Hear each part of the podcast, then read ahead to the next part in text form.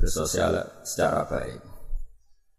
Kemudian kita-kita sebagai kiai mungkin hanya butuh kepastian referensi. Referensi ini penting supaya semua perilaku kita diilhami oleh roh agama. Dulu zaman mulai dulu ya mulai zaman Nabi Nabi dulu sampai era modern sampai era Wali Songo sampai era sekarang juga selalu hidup itu berdampingan dengan macam-macam baik beda agama, beda kultur, beda marga, beda macam-macam. Sehingga seperti ini mulai dulu juga nggak pernah menjadi masalah. Jadi yang menjadi masalah itu mungkin kurang sosialisasi atau kurang saling maklumi atau kurang saling mudah memaafkan. Saya punya beberapa contoh. Tadi malam saya ngaji, ya saya ngaji dan supaya ada kepastian referensi, saya memang punya tradisi membaca kitab supaya ada kepastian referensi. Saya akan baca dua kitab, yaitu Arisalah Al-Qusyariyah kitab pegangan Mbah Maimun dalam bertorikoh. Di situ diceritakan, saya baca aja ya supaya jelas di untuk membantu teman-teman yang masih mungkin punya kitab ini dan di halaman 27262 di sini diceritakan percontohan hidup berdampingan ya dengan agama lain. Sami itu badal ulama yakul. Ada seorang ulama bercerita. Istado majusiun Ibrahim al Khalil. Ada orang majusi karena kelaparan. Dulu itu kan padang Sahara, dulu tidak ada warung, tidak ada hotel, tidak ada restoran. Jadi kalau orang kelaparan mau tidak mau itu harus bertamu ke orang lain supaya dikasih makan. Terus fakola kata Nabi Ibrahim bisyarti antus lima dengan syarat anda harus Islam. Kemudian orang majusi ini putus asa karena dia tidak mau Islam terus pulang. Terus Allah Ta'ala memberi wahyu ke Nabi Ibrahim fa'awhawahu ilaihi mundu khamsina sanatan nut'imuhu ala kufri. Kata Allah, orang itu sudah menjadi majusi 50 tahun dan selama ini tak kasih makan. Kamu dimintai makan sehari saja kok minta dengan syarat apa? Islam. Akhirnya Nabi Ibrahim mengejar orang Majusi itu dan kemudian dikasih makan. Jadi cerita-cerita seperti ini juga ada dalam khazanah kita sehingga membentuk perilaku para kiai Indonesia itu toleransinya luar biasa. Juga zaman kita kecil sampai sekarang sering banyak kiai cerita dan itu memang nyata. Betapa Nabi itu juga memaafkan kesalahan seorang daksur ya dalam yang cerita yang terkenal itu. Ketika Nabi sendiri ada orang bawa pedang terus tanya ya Muhammad sekarang siapa yang bisa menghalangi engkau dari saya? Orang ini bawa pedang karena Nabi seorang Nabi yang sangat dekat Allah Nabi matur Allah ya. kemudian orang itu gemetar pedangnya jatuh terus dipegang Nabi sekarang kamu yang bisa menghalangi siapa dia bilang lah ahada tak seorang pun sehingga cerita kemudian Nabi memaafkan orang itu. Jadi cerita-cerita itulah yang menjadikan kita bisa hidup berbangsa dan bernegara. Jadi memaafkan itu kata kunci dalam bersosialisasi baik dengan keluarga, dengan tetangga, dengan semua warga Indonesia. Kedua, saya saya baca kitab Ashifa. Ashifa ini kitab tentang kelebihan-kelebihan Rasulullah Shallallahu Alaihi Wasallam. Di antara pokok dari sifat dasar Nabi itu adalah pemaaf.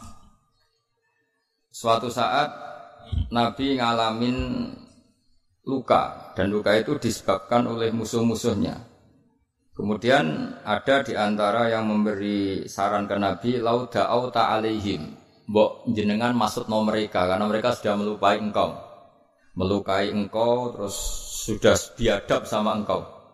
Tapi Nabi menjawab, ini di halaman 73 dalam kitab apa Hukukul Mustafa karangannya Qodiyat. Uh, judulnya itu Ashifa. Ini lam upat la'anan. Saya ini tidak ditugaskan Allah untuk menjadi tukang laknat, untuk menjadi orang yang sukanya menghabisi yang lain. Walakinni bu istudaian warahmatan. Tapi saya diutus untuk berdakwah yang baik, warahmatan dan menjadi rahmat. Terus Allahumma di kaumi fa innahum la ya'lamun. Ya Allah beri hidayat kaum saya karena perilakunya demikian itu disebabkan karena ketidaktahuan. Jadi ini pelajaran bagi kita bahwa perilaku sosial yang kurang baik dari tetangga itu jangan-jangan kita tidak cukup memberi mereka edukasi atau pengetahuan atau sosial. Jadi saya tidak akan banyak matur di sini karena memang waktu saya juga tidak banyak. Tapi saya mau matur dulu itu saya cerita ke ibu-ibu ini yang ibu dulu itu ulama itu hubungannya hanya dengan Allah, tidak pakai ilmu sosial. Ini penting. Ilmu sosial itu bisa jengkelkan. Misalnya kalau saya baik sama tetangga, tetangga saya tidak baik itu bisa jengkel. Atau baik sama istri ternyata malah lama bisa jengkel. Baik sama tamu ternyata malah tamunya kurang sopan atau mengganggu itu bisa jengkel. Sehingga dulu Nabi itu kalau menyuruh kebaikan itu mangkana yu'minu billahi wal yaumil akhir fal yukrim doifahu fal yukrim jarohu. Jadi kebaikan kepada orang lain itu atas namakan Allah. Sehingga kalau kita jengkel itu mudah memaafkan. Saya punya banyak cerita di Ihya juga di beberapa kitab. Itu ada seorang ulama dipanggil tetangganya. Pak Yai silahkan datang ke rumah saya. Si Kiai tadi datang. Setelah datang ke rumah pemuda itu, pemuda tadi dengan biadabnya bilang, Pak Yai saya tidak butuh kamu, silahkan pulang. Pulang. Dan Kiainya tersenyum. Setelah itu setelah sampai rumah dipanggil lagi. Pak Yai datang lagi ke rumah saya. Kiainya datang sampai tiga kali. Dan kiainya sama sekali tidak menunjukkan wajah kecewa. Senangnya bukan main. Terus pemuda tadi tanya, kenapa engkau tidak benci? Kenapa engkau gak tersinggung? Kiainya tertawa-tawa. Nak, saya datang ke kamu itu bukan karena apa-apa. Memang Allah menyuruh saya ini memuliakan tangga. Sehingga ketika tetangga memanggil ya saya datang. Itu perintahnya Allah. Jadi saya tidak ada urusannya dengan kamu. Nah itu pentingnya pertaruhan apa-apa itu atas nama Allah itu tidak mudah kecewa. Tapi kalau atas nama manusia itu kalau dia jengkelin kita akan balas jengkelin. Tapi kalau atas nama Allah itu legowo. Ini yang dibutuhkan dalam berbangsa dan bernegara. Misalnya hubungan kita dengan negara, kalau memberi itu ibadah dan keren, heroik. Tapi kalau mendapat itu kalau kita tidak berhak itu ada hisapnya. Misalnya kita digaji karena pekerjaan tertentu, tapi bawaannya di kantor baca koran, guyon, terus main WA terus misalnya. Itu antara gaji dan pekerjaan itu malah masalah. Jadi kalau kita memberi, itu pasti dapat pahala. Bayangkan kalau negara ini hubungan masyarakat dengan negara itu memberi kayak kita zaman belum merdeka. Tentara-tentara itu dibantu orang-orang kampung dulu itu hanya dengan ketela, dengan makanan-makanan kampung, tapi hubungannya itu memberi. Barokahnya itu bisa merdeka. Tapi kalau hubungannya mendapat itu orang itu nggak akan puas. Begitu juga kiai dengan masyarakat, masyarakat dengan kiai itu kalau hubungannya memberi itu insya Allah akan semuanya baik-baik saja. Tapi kalau hubungannya ingin mendapat ini masalah. Jadi sebetulnya menata bangsa ini juga menata peradaban mana pun itu dimulai dari mental memberi. Yunfikun, yunfikun itu memberi. Memaafkan juga sama. Kalau kita nurutin jengkel itu gampang jengkel, tapi mulailah dari mental memberi, memberi maaf. Makanya Rasulullah itu ketika ada sahabat marah sama pembantunya, kata Nabi, marahnya Allah itu lebih dasar ketimbang marah kamu pada pembantu. Terus sahabat tadi tanya, lalu supaya Allah tidak marah ke saya gimana? Terus Nabi jawab, Allah takhdok, kamu sendiri jangan mudah marah. Jadi semua kekacauan sosial itu kan karena kita sadar punya hak, kemudian kalau terganggu kita marah. Gara-gara marah melahirkan pemecatan, melahirkan macam-macam, akhirnya melahirkan dendam macam-macam. Jadi dalam bulan Sawal ini kita apa harus berlatih memaafkan. Ya, jadi minal aidin wal faizin. Saya beri beberapa contoh. Jadi tadi sudah contoh daksur, terus Nabi menjawab, saya tidak diutus Allah untuk sebagai pelaknat tapi walakin bu istu da'iyah warahmah Terus ada lagi cerita tentang orang Badui. Orang Badui itu orang primitif yang kurang berperadaban. Itu datang ke Nabi kemudian memaki-maki Nabi Muhammad, engkau jadi pemimpin harus yang adil. Enggak boleh tidak adil. Terus Nabi itu dengan senyum bilang, "Fama ya'dilu dalam adil." Lalu yang adil siapa kalau saya sendiri tidak adil? Padahal Nabi ketika dilihat tidak adil itu punya ilmu yang luar biasa. Tak beri gambaran begini ya. Mungkin orang Indonesia tidak siap, tapi harus siap dilatih supaya siap. Apalagi ibu-ibu kayaknya agak siap. Nabi itu kalau ada orang sering memberi itu malah setelah Nabi kuat, zaman dulu kuat itu artinya memenangkan apa ya istilahnya pergulatan antara hak dan batil. Nabi setelah mengalami Fatu Mekah itu ya mapan. Itu yang biasa berderma, biasa ngasih itu nggak dikasih. Tapi yang orang-orang barusan masuk Islam, barusan jadi orang baik itu dikasih banyak. Nah, tentu ini dipandang banyak orang itu tidak fair. Tidak fair itu Oh yang dulu berjuang mati-matian nggak dikasih, yang tidak berjuang kok apa? Dikasih. Itu dianggap nggak adil oleh oleh pikiran ini. Tapi cara berpikir nubuah tidak seperti itu. Cara berpikir nubuah itu orang yang biasa ngasih negara, misalnya berjuang kemerdekaan atau berjuang membebaskan Indonesia dari penjajah, itu mentalnya memberi. Memberi ke negara. Ya itu sama Nabi malah ya sudah mental memberi itu mental terbaik. Nggak boleh diturunkan jadi mental mendapat. Itu cara berpikir Nabi. Kan nggak lucu kan orang dulu biasa memberi, lalu pas tua, pas mau mati mentalnya ingin mendapat. Kalau ndak geremeng, ini dari mantan heroik menjadi mantan men, apa mantan heroik itu sekarang mentalnya jadi sail peminta-minta itu kan ndak keren, turun derajat. Tapi kalau orang kan nggak terima, wong dulu zaman miskin sama saya, setelah kaya kok lupa saya. Sebetulnya ketika miskin kamu bantu temen, Ketika kaya biar saja dia agak bantu kamu, biar kamu ketemu Allah itu keren. Statusnya hanya membantu, bukan di bantu. Tapi ini insya Allah kayaknya banyak yang nggak siap. jadi kalau kamu punya teman miskin, kok teman kamu jadi pejabat atau jadi orang kaya, biarin aja. Biar kamu tetap keren. Itu dulu tak bantu. Sampai sekarang pun tetap tak bantu. Sekarang dia kaya, tidak minta bantuan saya, tapi saya tetap keren. Status membantu masih melekat. Tapi setelah kamu batalkan sendiri status Anda karena kamu minta-minta kalau ndak geremeng, maka dari status membantu menjadi pemin peminta itu nubuah ya namanya. Jadi nubuah itu pikiran yang super. Jika dan itu harus ditanamkan di hubungan kita dengan negara, dengan orang tua, dengan tetangga. Kalau bisa mental kita itu aliyadul ulia khairum aliyadis sufla. Mentalnya memberi. Kalau mentalnya memberi itu gak gampang kecewa. Tapi kalau mentalnya tamak, didatangi bupati kok nggak ninggalin papa, didatangi gubernur pikirannya gitu, didatangi teman kaya begitu, didatangin apa saja itu kecewa gara-gara punya keinginan yang macam-macam. Tapi kalau mental kita memberi, tersiksa kita kalau tidak bisa memberi, memberi ke negara, memberi apa saja. Memberi ke negara ikut jaga stabilitas nasional, memberi ke tetangga paling tidak kalau tidak bisa bantu ya tidak ganggu. Ya sudah seperti itu. Jadi memaafkan itu juga dimulai dari ilmu. Misalnya kita memaafkan teman padahal kita jengkel sekali. Dan memaafkan itu ada pahalanya di sisi Allah. Susahnya apa? Kadang kita berpikir enggak, wah kalau tak maafin dia nanti kumau luhur, nanti sombong. Hubungan hidup kita ini dengan Allah, bukan dengan makhluk. Sama hubungan hidup kita ini dengan Allah, bukan dengan makhluk. Ya kayak tadi, kayak tadi. Nah, saya datang ke kamu karena perintah Allah. Tidak ada hubungannya dengan kamu. Kok kamu jengkelin kayak apa, saya tetap akan datang. Nah sama kita baik sama anak juga perintah Allah, baik sama istri perintah Allah, baik sama tetangga perintah Allah sehingga nggak perlu dia di apa ya dinegosiasi atau di apa ya dipakai berbanding lurus dengan perilaku manusia. Kalau pakai itu Anda gampang kecewa. Kalau istri sedang ngambek, kamu ikut ngambek. Kalau tetangga sedang tidak baik, kita ikut tidak baik. Bisa kacau bangsa ini. Makanya di antaranya sifat dasar orang baik itu apa? Orang yang wadrauna bil hasanati sayi'ah orang yang selalu menanggapi keburukan itu dengan keba kebaikan. Ini cerita-cerita tentang kebaikan orang-orang dulu.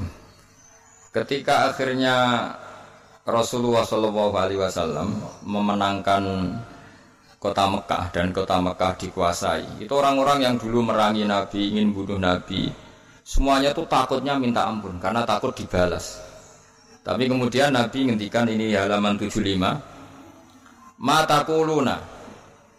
Inni fa'ilun bikum.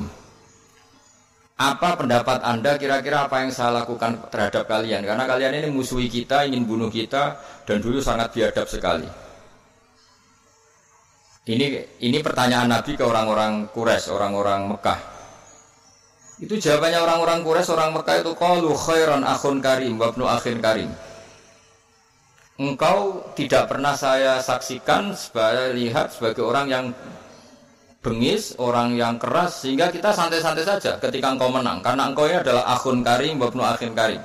Engkau saudara yang terhormat dan keluarga yang terhormat. Terus Nabi menjawab mereka, aku lu kama qala akhi Yusuf la tasrifa alikumul yaum. Idhabu fa antumut Saya akan mengatakan ke kamu sebagaimana Nabi Yusuf kepada saudara-saudaranya. Kita tahu kan saudara-saudara Nabi Yusuf ingin membunuh Nabi Yusuf dicemplungkan ke sumur.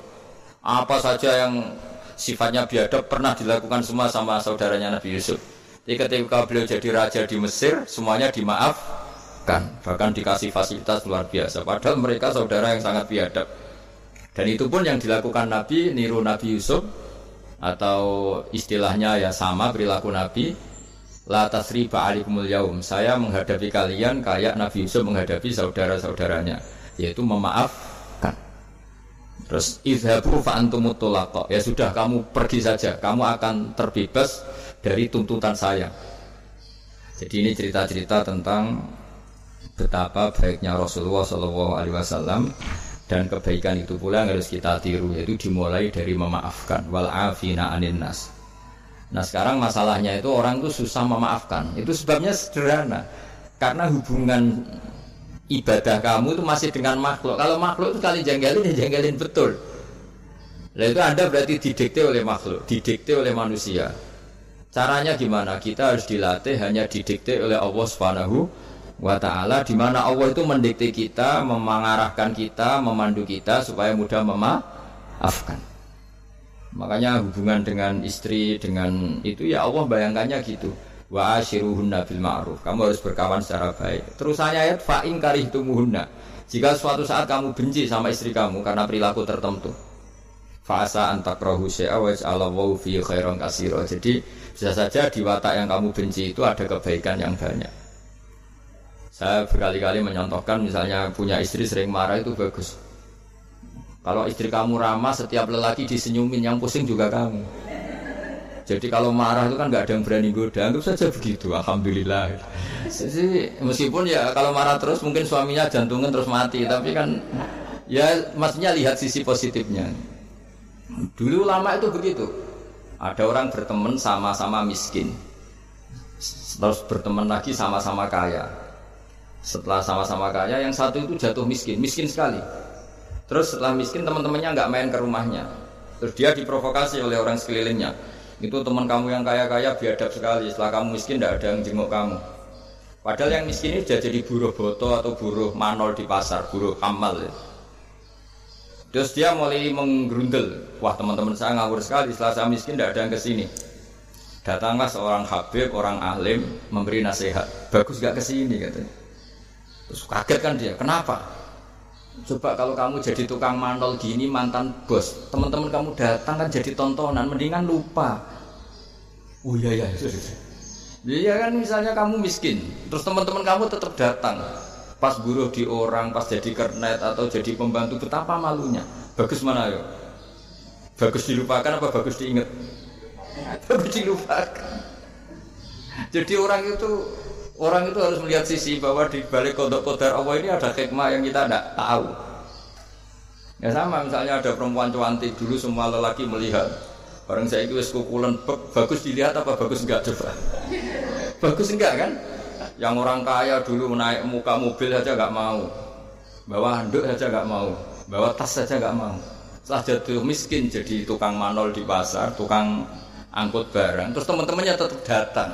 Mendingan datang apa enggak? Enggak kan daripada jadi ton tonton. Nah di sini tuh kearifan-kearifan ulama orang tuh harus dilatih. Makanya saya ini ditamani orang ya seneng, enggak ya seneng. Kalau ditamani seneng ya nambahi konco, enggak ya seneng. Berarti hidup saya nyenyak, enggak diganggu. Semuanya tak anggap seneng semua hidup. Jadi apa ya? Pokoknya semua yang dari Allah itu asik, indah sudah. Saya kenal orang ya seneng, enggak kenal ya seneng sudah sama. Karena Allah sendiri yang tahu hikmah itu. Makanya saya berkali-kali bilang Imam Syafi'i itu orang saya berkali-kali bilang Imam Syafi'i itu bilang punya teman banyak ya enak katanya karena dengan punya teman punya ya teman sosial lah enak. Nggak punya teman ya enak. Itu saya berkali-kali cerita. Ya Imam Anas Syafi'i banyak orang tuh nggak seneng jenengan. Alhamdulillah beneran. Kenapa? Orang arah utang ya. Jadi kalau kamu nggak disenangi orang satu kampung tuh artinya mereka tidak akan utang kamu, pinjam mobil kamu, tapi nak seneng. Ribet kan? Jadi seneng ya ada hikmahnya, nggak seneng juga ada ada lagi yang lapor, Imam Syafi'i, orang yang tadi cium tangan Anda, yang hormat Anda, di belakang tuh ngerasani kamu. Jangan Syafi'i, Alhamdulillah, berarti saya wibawa. Buktinya depan saya nggak berani. Jadi dianggap enteng saja. Jadi orang dulu itu segampang itu melihat fakta. Yaitu ilmu ini yang menjadikan orang tuh tidak uring-uringan cara Jawa. Karena ilmunya luas, nggak gampang emo, emosi. Jadi Ya seperti ini, saya ini kan jam tira, jam tidur saya kalau saya terganggu ibu-ibu. Tapi anggap saja ini rumah umat kanjeng Nabi. Setelah saya pulang tidak saya ganduli, nanti suaminya tersinggung kan, masa ibu-ibu gitu. Ya sudah kalau mau pulang pulang saja biar suaminya agak cemburu, malah ribet kan. Jadi dianggap enteng saja hidup oleh ulama-ulama dulu karena ilmunya cukup. Makanya Imam Abu Hanifah paling dikenang dalam makalah paling terkenal itu Allahumma Kata Imam Abu Hanifah ketika munajat sama Allah, ya Allah, mando bina sodruh falsuduruna saat bi. Orang yang melihat saya itu nggak mampu sehingga dia mangkel, sehingga dia nggak bisa nerima sikap saya, tapi hati saya bisa memaklumi mereka. Misalnya kita kaya, top, banyak yang hasut, ya kita harus maklumi di mana mana orang dihasut itu ya keren. Kalau kamu miskin yang mau ngasut itu siapa? Saya kamu cantik dihasuti orang ya harus bangga. Kalau kamu jualnya kukulen yang mau ngasuti itu siapa? Harus dimaklumi. Harus dimaklumi. Ya biasa aja. Ya kan? Misalnya suami jenengan kok sering melihat orang cantik harus dimaklumi. Memang suami saya normal. Karena suami sampai untuk seneng wong wireng, kukulen, keriting, welek. Ki bojoku waras ora kan mestinya. ya, tapi sama nggak siap kan dengan ilmu-ilmu seperti itu. Jadi ya ya sudah biasa. Jadi memaafkan itu saya mulai lagi dimulai dari ilmu. Ilmu bahwa hidup kita ini hubungannya hanya dengan Allah Subhanahu wa taala. Dan Allah pula yang menyuruh kita mudah memaafkan. Tapi kalau Anda memaafkan berdasar hitung-hitungan sosial itu pasti sering tidak memaafkan karena mangkel. Mangkel itu ya mangkel dongkol kan kita pernah dihujat, pernah dibully, pernah disakitin. Jadi kalau kamu ingat itu Allah Ta'ala menyuruh kita kebaikan dan Allah akan berjanji akan membalas orang-orang yang pemaaf Insya Allah kamu akan menjadi ringan Terus yang terakhir Dawi Imam Ahmad bin Hambal Beliau pernah dipenjara, beliau pernah dicambuk Karena kebenaran Demi kebenaran Tapi orang-orang ini semuanya dimaafkan Ketika ditanya Kenapa engkau maafkan ya Ahmad Nanti di akhirat Itu ada pengumuman Siapa yang pernah memaafkan temannya muslim, temannya atau tetangganya, silahkan berdiri di atas mimbar ini. Kata Imam Ahmad di riwayat itu falayakumu illal afun. Kemudian yang bisa berdiri hanya orang yang pernah punya reputasi mema memaafkan. Maka maafkan ini pahalanya besar sekali. Jadi Syawal ini dimulai dari mudah memaafkan. Itu wal kaziminal ghaidha wal afina aninas. Matur semuanya dan saya tidak bisa matur banyak karena saya juga sibuk karena yang ngajar dan belajar saya itu. Supaya yang ganggu juga desanya tidak banyak-banyak. jadi jadi ya sama-sama enak gitu loh. Kalau suami jenengan nunggu juga nunggunya nggak lama-lama. Jadi entah masih ditunggu tanda ya tidak tahu saya tapi kan khusnudan lah masih banyak yang nunggu itu masih keluarga maksudnya banyak yang nunggu. Jadi saya mohon latihlah hidup secara ikhlas. Ikhlas itu apa-apa demi Allah Subhanahu wa taala. Makanya itu bedanya Islam dengan yang lain.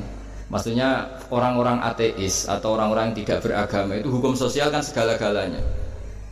Bedanya yang beragama sama yang tidak beragama. Tapi kalau orang beragama itu pikirannya Allah. Jadi tentang berbaik sama tetangga saja karena mangka yu'minu billah wal yaumil akhir. Sehingga buat tetangga itu tidak balas baik, kita inginnya juga tetap baik karena berdasar perintahnya Allah. Mbok anak sampean buweling tetap ingin baik karena itu perintah Allah. Tapi kalau sampean berdasar manusia, lopo tak sangoni nakal, lopo tak api wong rapi be aku. Nanti kacau bangsa ini bisa kacau karena semuanya didikte sama makhluk. Makanya Islam itu mengajarkan apa? Kebaikan sosial pun karena berdasar perintahnya Allah Subhanahu wa taala. Ya, saya kira demikian. Wassalamualaikum warahmatullahi wabarakatuh. Bismillahirrahmanirrahim. Nahmaduka ya ghafuru ya syakuru wa salli wa sallim ala sayyidina Muhammad sallallahu wa barik wa sallam asma'in. Allahumma ya wa ij'alna mutawadina fika mutahabina fika ya Allah. Waj'alna mimma yansuru dinakal qawim. Allahumma ij'alna aminin mutmainin alladzina la khaufun 'alaihim wa lam yahzanun. Warzuqna sidadal qawli wal fi'al. Warzuqna ri'ayatal hifz. Allahumma ya Allah ir'afang ya Allah ra'iyata Indonesia wa mahfadhum war'ahum fi aini radik Allahumma ya ilahana ya Allah ursukna rizkan halalan wa as'anu barakan intik warzuqna ya wa tuma'ninatal qalbi ya Allah ma'ana wa fina ya Allah barik lana ma'a jiranina wa ma'a duyufina wa ma'a alimina wa ma'alimina innaka ala kulli syai'in qadir. Wa annaka al-haqqus samad Waj'alna huwani min salimin mu'afin min kulli balai dunya al akhirah. Nas'aluka ya wal afa wal afiyah lana wa li ahli Indonesia ya wa amatan wa li a'immatil muslimina wa amatihim. Rabbana atina fid hasanah fil akhirati hasanah wa qina adzabannar Sallallahu alaihi sayyidina Muhammad wa sahbihi wa baraka sallam. Subhana rabbika rabbil izzati amma yasifun. Wa salamun alal mursalin alhamdulillahi rabbil alamin. Surah al-fatihah Ar-Rahman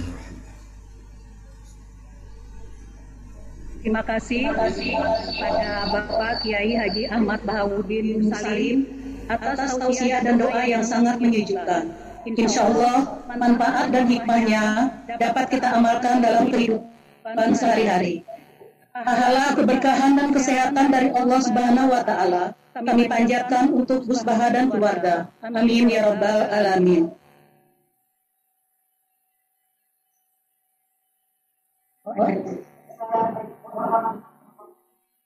Uh, mohon izin, uh, Gus Bah, apakah acara kita bisa kita lanjutkan dengan tanya jawab karena masih ada waktu?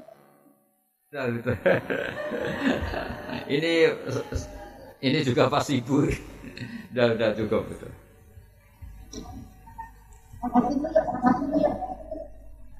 Ya satu aja satu mungkin sungguh syarat. Satu aja satu ya. Oh ya. Karena satu, apakah kita dari sini yang bertanya atau dari audiens ada yang bertanya? Kalau bertanya, mohon uh, acungkan tangan biar panitia bisa melihat. Satu pertanyaan. Enggak ada toh, alhamdulillah.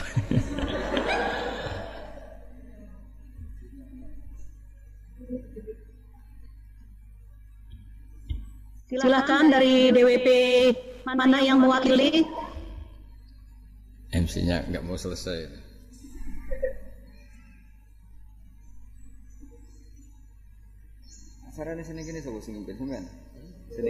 Bisa bertanya langsung ataupun melalui chat boleh.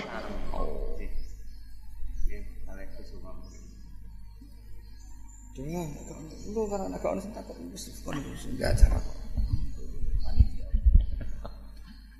aman aman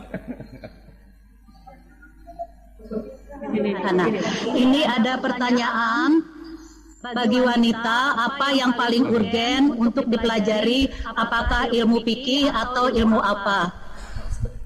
Dari siapa nih yang bertanya ya? Ulin. From Ulin. Dari DWP mana? Uh, Bismillahirrahmanirrahim. Kalau kalau urutannya ilmu tentu satu itu ilmu tauhid ya, ma'rifatullah. E, ngerti tentang Allah. Kalau dalam ilmu tauhid, kalau sosial ya pilihannya memang fikih. Fikih itu penting karena aturan mainnya jelas, meskipun agak-agak transaksional tapi aturan mainnya itu jelas. Misalnya begini ya, suami itu wajib mencari nafkah, istri wajib taat.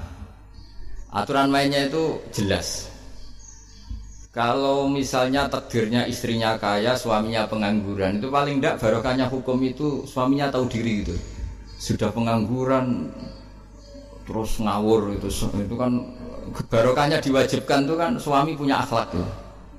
Tapi yang istri kaya raya barokahnya diwajibkan toat juga punya akhlak. Jadi fikih itu penting supaya tetap mengawal ketentuan-ketentuan itu. Jadi kenapa kiai Indonesia dulu itu setiap berkeluarga itu catatan utamanya itu fikih.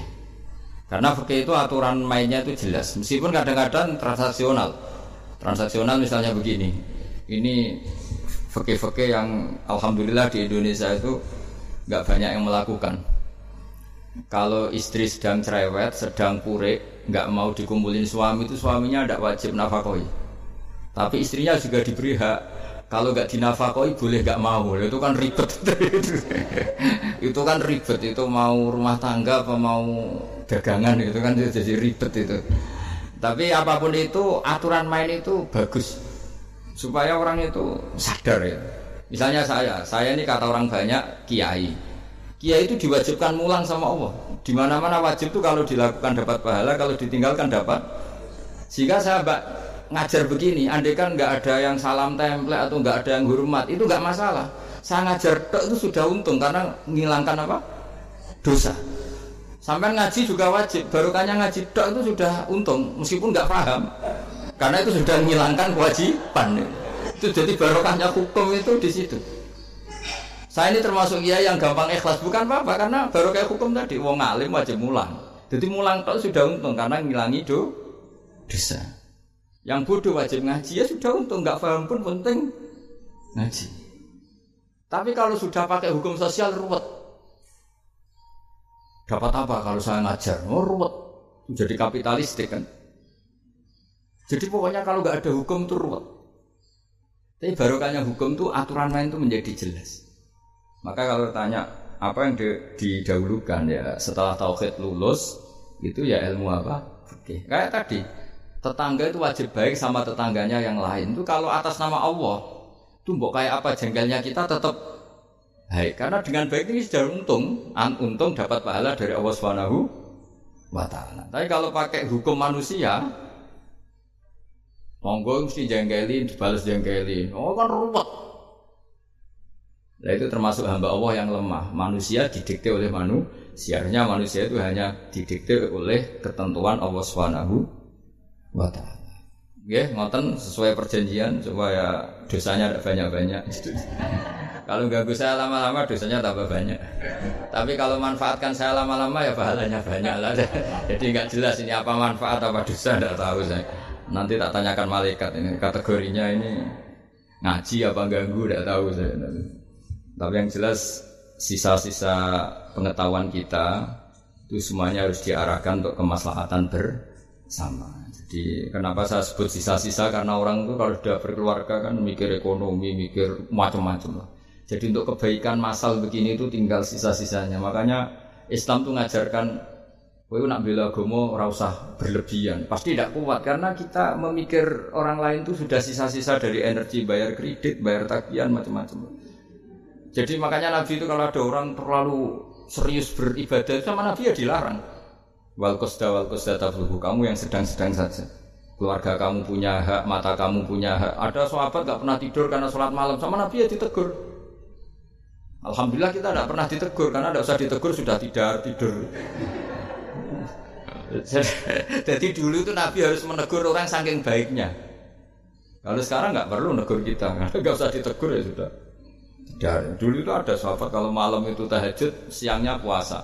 Sampai istrinya komplain karena tidak pernah dikumpulin. Akhirnya Nabi ngandanin, keluarga kamu punya hak, mata kamu punya hak gini. Jadi karena tadi kalau kita maksimal bela bela agama atau bela pengajian gini itu pasti kayak jenengan gara-gara datang ke sini kan suami jenengan harus bikin kopi sendiri. Kalau dibikinkan kopi pembantu jenengan cemburu ribet kan? jadi, ya sudah itu kalau misalnya pengajian tiap hari bisa berapa kan makanya jangan lama-lama jangan sering-sering biasa aja jadi jangan aja Ya, ngoten nggih kula tak terusno watifah kula. Assalamualaikum warahmatullahi wabarakatuh.